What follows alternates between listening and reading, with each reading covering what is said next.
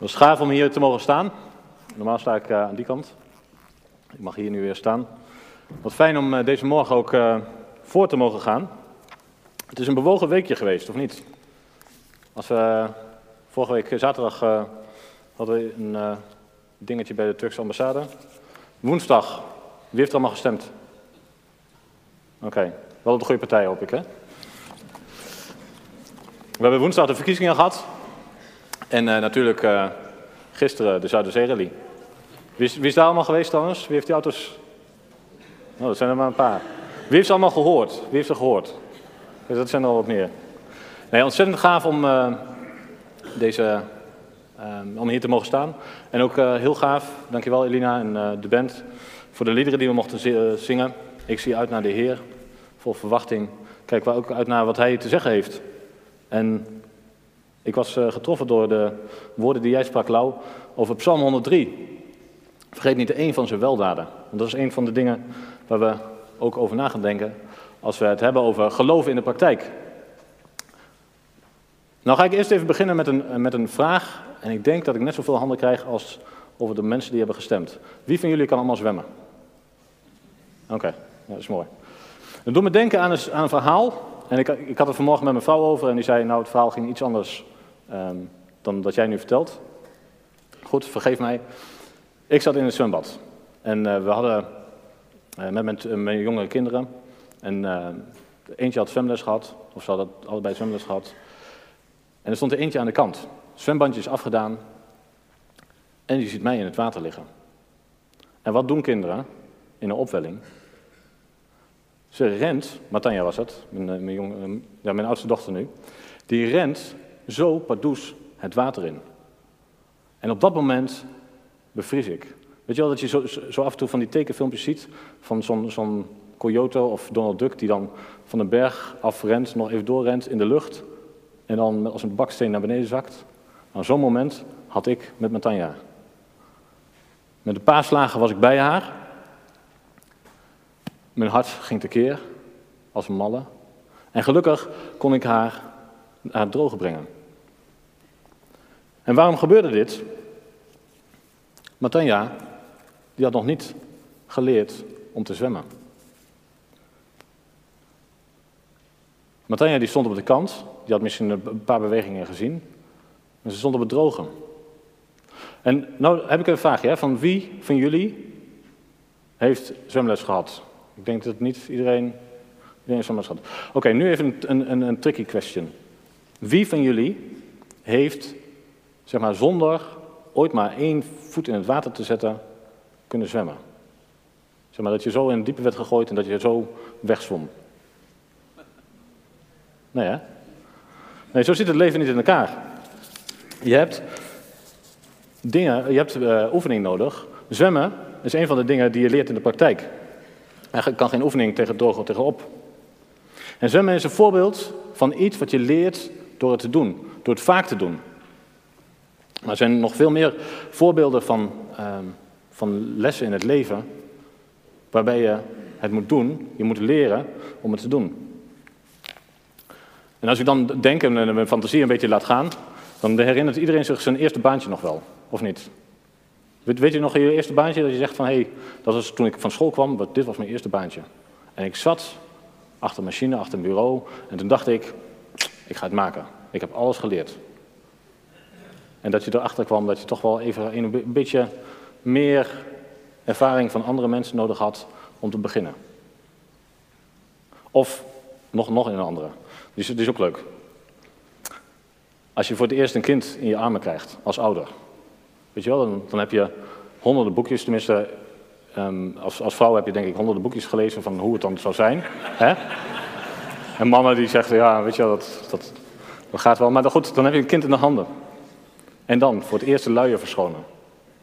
Volgens mij kent iedereen wel een beetje de ervaring dat je voor het eerst iets nieuws doet, voor het eerst iets begint, maar dat je helemaal geen praktijkervaring hebt. Of de eerste keer, en ik denk dat er veel mensen zich dat kunnen herinneren, de eerste keer op de middelbare school. Dat je eigenlijk, je bent al niet heel erg groot zoals je nu bent. Je loopt door al die gangen, je ziet al alles voor het eerst, voor het nieuw, ja, dit wordt nieuw.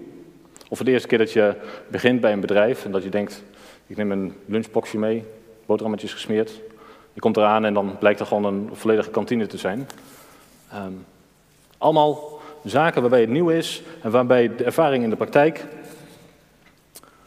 ehm, helpt. Als je nu voor het eerst, of tenminste als je nu voor het eerst je, eerste baantje nog moet doen, dan denk je van ja, dat is makkelijk. Ik weet hoe het moet. Als je nu een baby in de handen krijgt, dan weet je nog hoe je hem in een lui moet verschonen. En bij je werk is het ook niet meer dat je denkt van hé, hey, ik ben hier totaal verdwaald. Kortom, als je in de praktijk iets hebt meegemaakt, krijg je ervaring. En die ervaring neem je mee, zodat je problemen het hoofd kan bieden.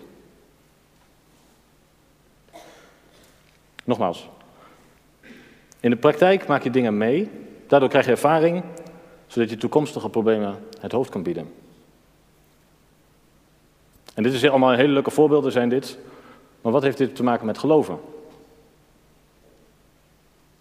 Hoe leer je geloven? Iedereen die leest wel een Bijbel, denk ik, een bid. Maar geloven is ook iets wat je door ervaring leert. Het is niet zo dat je zomaar komt aanwaaien. Dat je denkt van, hé, hey, ik neem een sprong in het diepe en ik kan in één keer wegzwemmen. Geloven is ook iets wat je moet leren in de praktijk. En wat maakt nou dat je geloof groeit? Hoe krijg je nou ervaring? En wat maakt dat je vooruit gaat, dat je ook andere mensen kunt helpen? Wie was er vorige week allemaal hier? Oké, voor de mensen die niet zijn hand hebben opgestoken, waarom niet? Nee, grapje. Um, vorige week ging het over het lijden. Ik eh, weet, voor mij weet u het thema nog. Betty had gesproken over lijden. En over waarom de schepping zo zucht. En die had ook over twee typen mensen. Eén type, de Stoïcijn, geloof ik, die zat op een hoge pilaar en die ontweek alle problemen. En de andere, die zei, pluk de dag. Het leven is zoals het is. En uh, nou, problemen, die bestaan eigenlijk niet.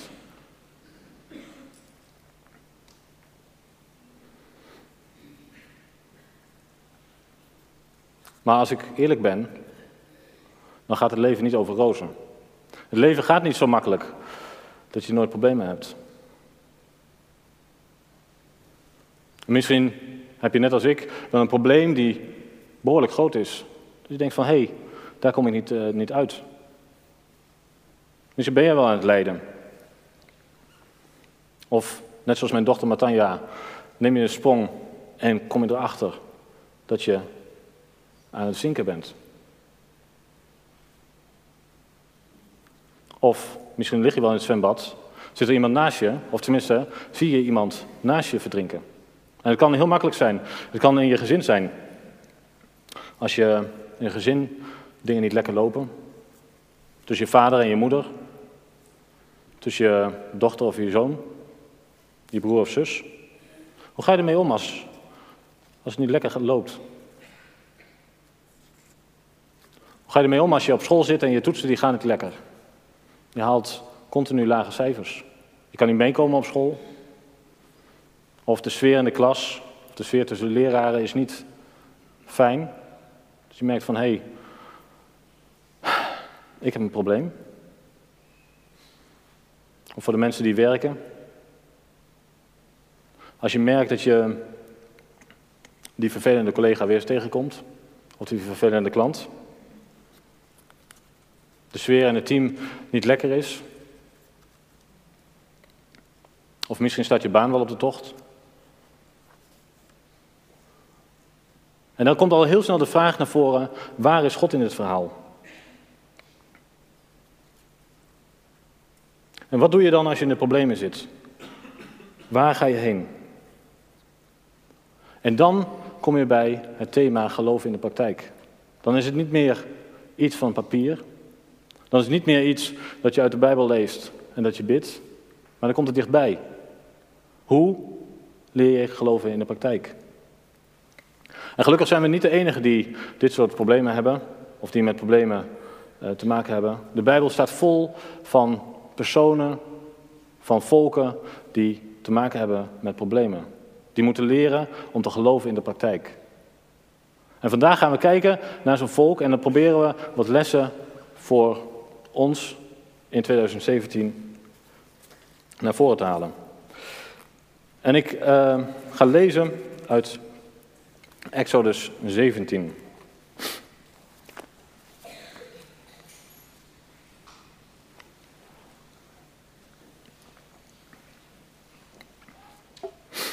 Exodus 17. En dan denk je van, dan beginnen we het verhaal. Vanuit de woestijn van Sin trok het hele volk van Israël verder van de ene pleisterplaats naar de andere. En dan denk je, mooi, we zijn in Exodus, we kennen het verhaal wel van het volk van God. En toen ik erover nadacht, toen dacht ik, wow, moet je je voorstellen. Ik wil, laten we even, gewoon even een, een persoon maken of een, iemand in het volk. Dat je een beetje mee kan voelen, mee kan maken wat, wat hier gebeurt. Ik heb hier Mirjam en Mirjam die is onderdeel van het volk van God. Ze komt uit de stam van, uh, van Juda. Ze heeft twee dochters, een vader en een moeder. En zij trekt van plek tot plek, zoals hier nu staat. En Mirjam, die heeft ooit gehoord van haar opa. Die het weer heeft gehoord van haar opa. Die het weer gehoord heeft van haar opa. 400 jaar geleden. Moet je je voorstellen? Dat er ooit een tijd zou komen dat ze uit Egypte zouden gaan. Nee, voor onze tijd is dat, schrik niet, dat je, wij de belofte hebben dat Willem van Oranje ooit een belofte heeft gehad dat Nederland vrij zou komen. Willem van Oranje. Ik weet niet, jullie hebben allemaal wel geschiedenis gehad volgens mij, maar 1600 daar ergens in de buurt, Willem van Oranje. Moet je je voorstellen dat je zo lang, um, zo lang geleden dat hebt gehoord. 400 jaar geleden. En dat je dan van je opa op opa dat hebt gehoord. Maar dat die opa ook heeft meegemaakt hoe die vervolging in Egypte begon. Hoe de problemen begonnen. En hoe vaak zou Mirjam dan wel niet gevraagd hebben aan haar opa? Maar opa, waar is God dan? Waar is God nu? Waar is die God nu? Helpt hij ons dan niet?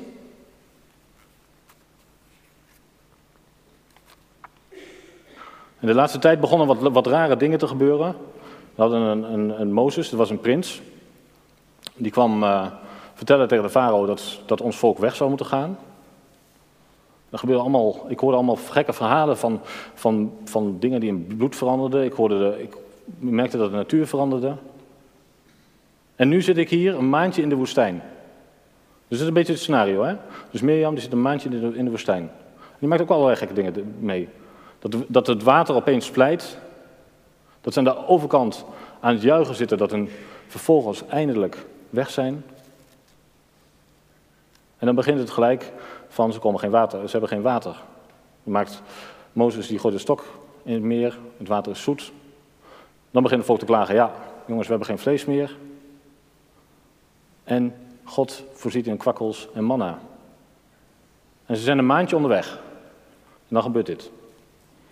Vanuit de woestijn van Sin trok het hele volk van Israël verder van de ene pleisterplaats naar de andere, volgens de aanwijzingen van de Heer. Je weet wel, die grote wolkolom, die ging nog steeds vooruit. En toen ze hun tenten opsloegen in Revidim, bleek daar geen water te zijn om te drinken. Wie is was in de woestijn geweest? Niet veel mensen. Nou, in de woestijn wil je niet zijn zonder water moet je je voorstellen dat Mirjam, die heeft alle spullen ingepakt. En die gaat van de ene plek, loopt ze naar de andere toe. Ondertussen even wat, eh, wat water uitdelen. En op een gegeven moment is het water op. Ze, ze zetten zich neer in de volgende pleisterplaats. En dan? Mama, ik wil water. Mirjam die loopt de tent uit en die hoort allemaal geroezemoes om zich heen.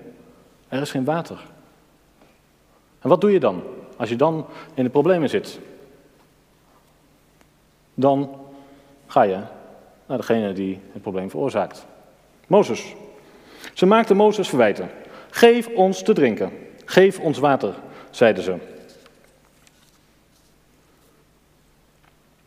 En Mozes die reageert hier wel koelbloedig, vind ik. Waarom maakt u mij verwijten?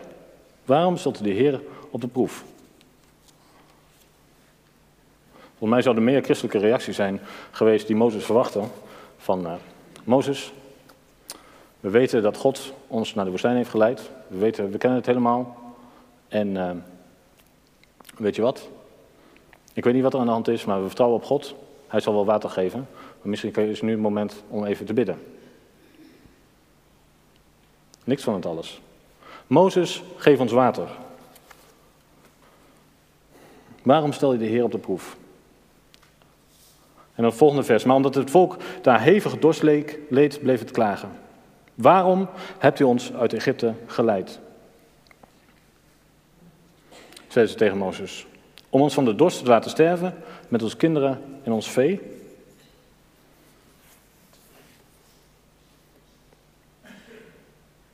Dus nu krijgt Mozes de woede van het hele volk voor, voor zich.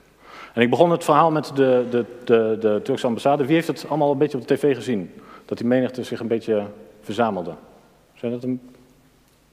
Dan ga ik een ander voorbeeld gebruiken.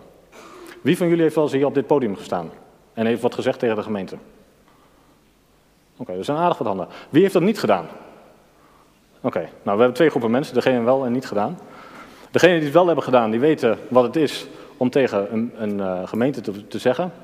En degenen die het niet gedaan hebben, nu is het moment om te zeggen dat het niet zo eng is dan het normaal is.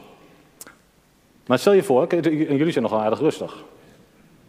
Maar stel je voor dat jullie allemaal luidklagend naar mij toe kwamen, nu hiervoor stonden, en te demonstreren en te zeggen van, geef ons water. Wat zou er nu door Mozes heen gaan? Hoe zou Mozes zich nu voelen?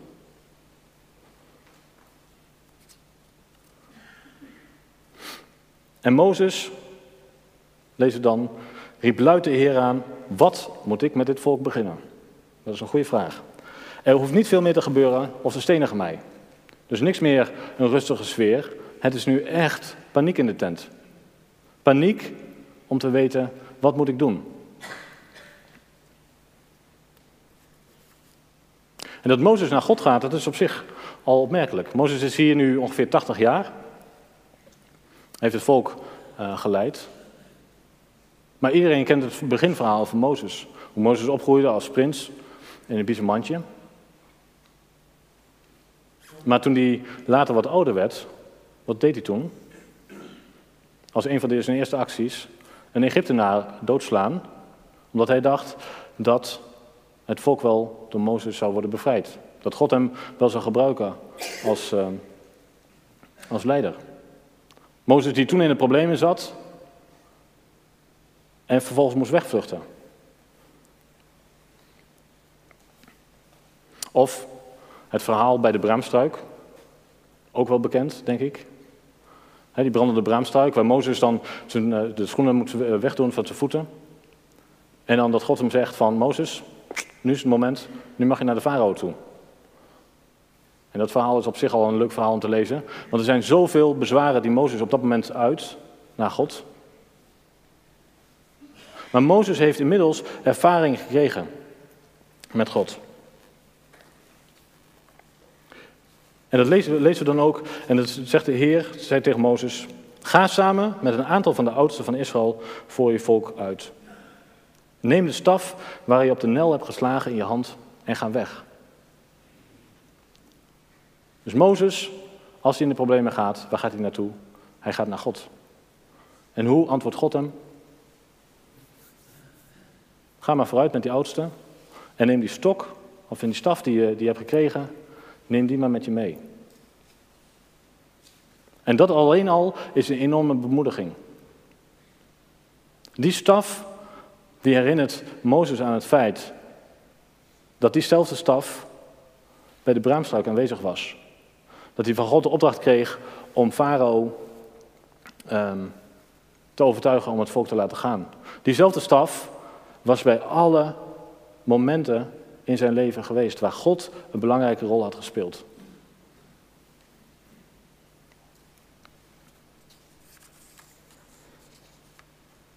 En dan is het zo mooi om te lezen Neem de staf waar je op de nel hebt geslagen in je hand en ga op weg. Ik zal je opwachten bij de rots Horeb. Niet, ik ga met je mee naar de rots Horeb. Nee, ik sta daar en jij mag daar naartoe. Jij mag met het volk mee. En als je dan op de rots slaat, zal er water uitstromen, zodat het volk te drinken heeft. En Mozes deed dit in het bijzijn van de oudste van Israël. Eindgoed, al goed. Zou je denken. Er stond water uit de rots. Nou, ik, gewoon even logistiek loop ik dan te denken, van hoe zou dat dan gaan? Dan heb je gewoon een paar honderdduizend man uh, in de woestijn. Je hebt één rots waar wat water uitstroomt. Van hoe lang duurt het dan voordat iedereen te drinken heeft? Het probleem van het water was niet gelijk opgelost. En dan krijgt Mozes de taak om die plek een naam te geven. Hij noemde die plaats Massa en Meriba, omdat de Israëlieten de Mozes daar verwijt hadden gemaakt en omdat ze de Heer op de proef hadden gesteld. Met de vraag, is de Heer nu in ons midden of niet? Is God, was God er nu bij of was God er nu niet bij? Interessante vraag. Was God nu in deze hele situatie, waar hij in het begin het volk naartoe had geleid? Want God had die opdracht gegeven om naar die plek te gaan waar geen water was. Was God er nou bij? Of was God er niet bij?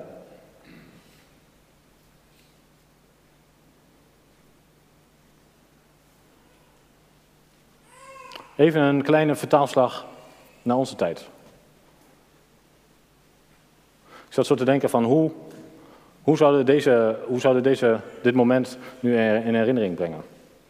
En dan denk ik dat, er, dat Mirjam, hè, als ze dan een, camera had gehad, en Facebook, Snapchat en Instagram, dan ze een mooie foto gemaakt, zo van hier, hier, is, hier is die mooie, mooie beek, zeg maar. Klik, mooie hashtag, we hebben weer water, zeg maar. Mooi filtertje eroverheen. En we posten het op Facebook of Instagram. En dan hopen net, net zo goed dat je zoveel mogelijk likes krijgt om te zorgen van dit is het moment, dit is om met me mee te vieren. En dat is onze cultuur ook wel een beetje. Onze cultuur is nu dat alles op dit moment gevierd wordt door mooie momenten. Maar er staat niet bij hoeveel moeite het heeft gekost, waar ze doorheen is gegaan, hoeveel kinderen ze heeft moeten troosten omdat er geen water was.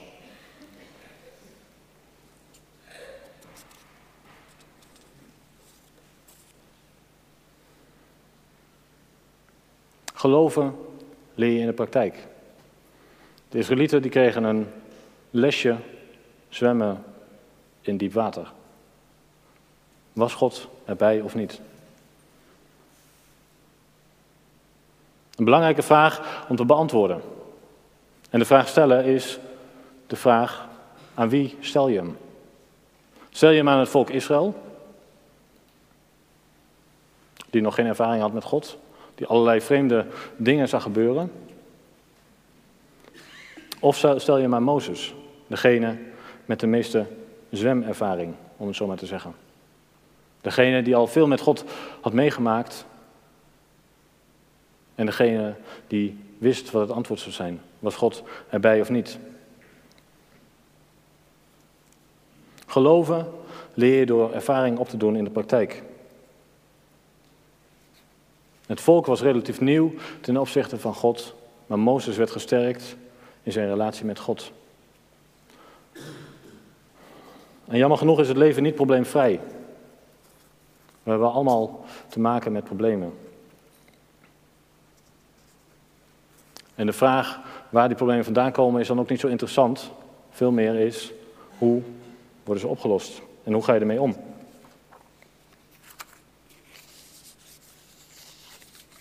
En dan wordt het ook meer persoonlijk.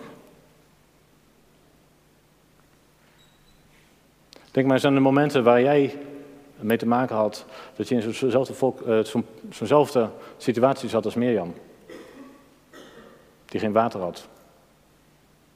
En zich afvroeg, waar is God in dit verhaal?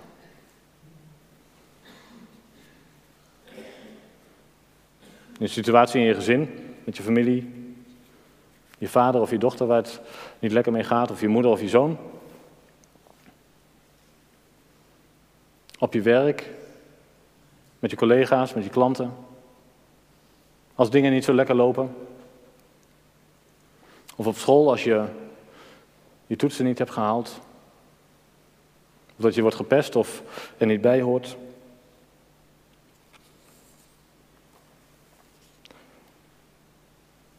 En dan is de vraag, hoe leer je zwemmen? Hoe overleef je zo'n situatie?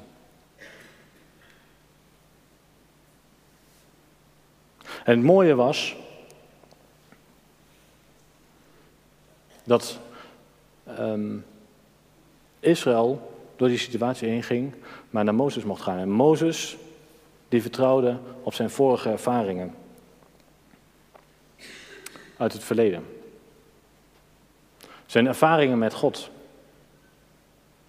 En misschien zit je nu wel in de problemen. En tegelijkertijd is daar ook de vraag en de, de wetenschap dat jij ook onderweg bent met God. Onderweg bent en ook dingen met hem hebt meegemaakt. Situaties die moeilijk waren, situaties die niet makkelijk waren. En die jou hebben geholpen in een moment. Dat als jij nu zegt van, kan ik God vertrouwen in deze nieuwe situatie? Dat je dan terugdenkt aan de situaties van vroeger. En daarom vond ik die tekst zo mooi, van vergeet niet één van zijn weldaden. Het is zo belangrijk om de dingen te onthouden waar God in je leven bij is geweest. De moeilijke situaties, de lastige situaties. En dan is de vraag, hoe kunnen we daar als gemeente van ehm, profiteren? Net zoals Matanja leerde om te zwemmen van een zwemjuffrouw, iemand die al eens een keer in het diep heeft gestaan, is het zo belangrijk om ook de verhalen te horen van mensen die al eens een keer in het diepe zijn geweest. Om eens een keer verhaal te horen van, jongens, ik, ben ik ga door deze situatie heen, maar ik weet dat God erbij was. Ik weet dat God erbij was. God in deze situatie met mij was.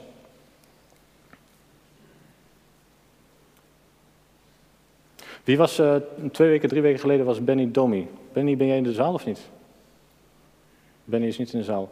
Benny Domi die gaf hier een getuigenis over zijn oma, geloof ik, of niet? Wie, wie, wie was aangesproken door dat getuigenis? Wie dacht van, hé, hey, dit, is een, dit vond ik een, echt een tof getuigenis om te horen? En dat zat mij ook te denken. Waarom is dat een tof getuigenis? Omdat het, meema omdat het eigenlijk geloven in de praktijk is. Het is het geloven het is iemand die praktijkervaringen opdoet en dat meeneemt en dat deelt naar de anderen. Zodat wij er ook door worden opgebouwd. En hoe tof zou het zijn als we dat voor elkaar kunnen doen? We hebben allemaal wel zo'n situaties gehad dat we nou, er doorheen zaten. En wat mij dus zo tof lijkt nu zometeen, is als we zometeen naar de koffie gaan, dat we niet zeggen van hé, hey, dat was een mooie preek. Maar dat we zeggen, ik zat toen en toen in deze situatie, één zinnetje, twee zinnetjes, maar ik weet dat God erbij was. Gewoon even tegen elkaar, gewoon te delen. Weet je wat het doet? Dat maakt verbinding en dat zorgt ervoor dat jij weet, als je ooit in die situatie komt, dat je zegt van hé, hey, hij heeft het ook al meegemaakt. Hij is er ook doorheen gekomen. En weet je wat het nog meer doet? Het doet je beseffen dat je niet alleen in het zwembad bent, maar dat het hele zwembad vol ligt met mensen die spartelen en die proberen vooruit te komen. En misschien ligt de een al in het diepe en de andere is net begonnen in het ondiepe. Maar door, door de verhalen met elkaar te delen, door met elkaar juist de problemen te bespreken, krijg je dat, dat ons geloof wordt opgebouwd. Dat het geloven niet meer een geloof van papier is, dat het niet een geloven is van wat een mooi verhaal stond hier en wat hebben wij een geweldige God. Maar dat het een geweldige God is, omdat we weten wat hij in jou, in jou en in jouw leven heeft gedaan. En hoe tof zou het zijn als onze huiskringen, en ik weet dat, het, dat er huiskringen zijn die dat doen, onze huiskringen veel meer zouden zijn, ik maak deze situatie mee. En uh, ik, zit, ik, ik zit met dit probleem. Of God heeft mij door deze en deze situatie heen geleid. Misschien niet gelijk als je het probleem meemaakt, maar meer als je er voorbij bent. Ik had laatst, uh, was ik op de huiskring. En toen was het thema gebondenheid. Wie heeft het thema gebondenheid al gehad? Niet, niet veel. Een behoorlijk eng thema. Als je er een beetje over na gaat denken. En over uh, ja, de macht van de kwade. En er kwamen wat getuigenissen van, van mensen die dat hadden meegemaakt. En ik vond het tof om te horen. Tof om te horen hoe zij ermee om waren gegaan. Maar ook om te horen wat de eindconclusie was. Dat onze God veel krachtiger en veel sterker is dan Satan. En dat kan je alleen horen van mensen om je heen. Mensen in de gemeente. Dus ik wil je echt, echt oproepen om dat te doen. Want hoe tof zou het zijn als de gemeente een plek wordt waar niet een gezichtjes worden gedeeld, zoals op Facebook of mooie plaatjes, maar waar ervaringen worden gedeeld. Waar ervaringen worden gedeeld met God. Hoe tof zou het zijn als we een gemeente zijn dat als we in de problemen komen, dat we een paar mensen om ons heen hebben staan die ons er doorheen helpen. Die ons zeggen, geloven, dat doe je in de praktijk en jij bent er al geweest, dus help me. Hoe zou de gemeente eruit gaan zien? Als we veel meer deze relaties uit gaan leggen. Als we steeds meer mensen ook mee mogen nemen in ons ontdekkingstocht met God, naar God. En dan gaat het niet meer om de vraag, hoe is het probleem ontstaan? Dan gaat het veel meer om de vraag, hoe ga ik ermee om? Want ik weet dat God erbij is. Geloven in de praktijk. Dat doe je met elkaar.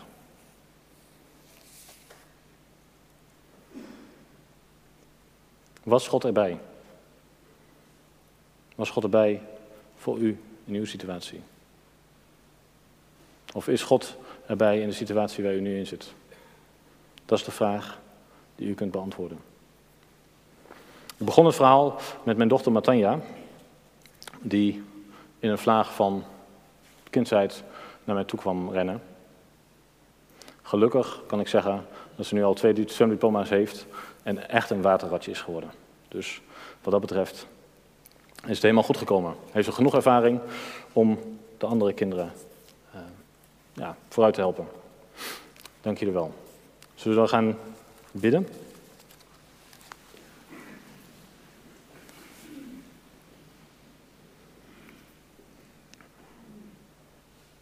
Vader God, dank u wel dat we zo bij je mogen komen. Dank u wel dat we mochten horen over het verhaal van Mozes en het volk Israël. Het volk dat u uit Egypte had geleid. En in de problemen kwam, ja, in de problemen bracht. En dank u wel dat we mogen leren dat het geloven niet alleen een geloven is van weten, van, ja, van kennis van papier. En dat geloven iets is van de praktijk. Dank u wel dat we ja, u mogen kennen en u, uh, u kennen zoals u bent. Dat u bij ons bent geweest in situaties van het verleden. Dank u wel dat we ook elkaar hebben als gemeente. Dat het niet een gemeente is ja, waar we elkaar kennen van gezichten. Maar dank u wel, Heer, dat het ook een gemeente mag worden waarin we de ervaringen mogen uitdelen ervaringen met u. Zodat we uw grote weldaden niet vergeten, maar meer mogen, steeds meer mogen, onder de indruk mogen komen van wie u bent. Van de grootheid van wie u bent. En Heere God, dank u wel dat u Ook als we nu in de problemen zitten, als we nu niet weten waar we naartoe moeten gaan. Dank u wel dat u ja, met ons mee bent, dat u met ons meegaat. Dat u erbij bent. Ook al zien we dat in de, eh, misschien nu nog niet, maar dat u met ons meegaat en ons ziet en ons kent. En zo bid ik ook, Heer, dat u ook mensen op ons pad wil, uh, wil brengen als we in moeilijke situaties zitten, die ons ook uh, kunnen ja, vertellen en kunnen ja, vertellen van uw grootheid en hoe u ook in, in hun situatie hun nabij bent geweest. Dank u wel voor de plek die we als gemeente mogen zijn. Dat we hier mogen komen met onze problemen, met onze moeite en met onze pijn. Dat we aan elkaar zijn gegeven. Maar tegelijkertijd in de wetenschap dat we één God hebben. Jezus Christus, die we mogen dienen.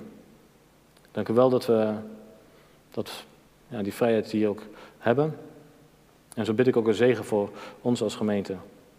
Dat we meer en meer mogen groeien in de ervaring met u.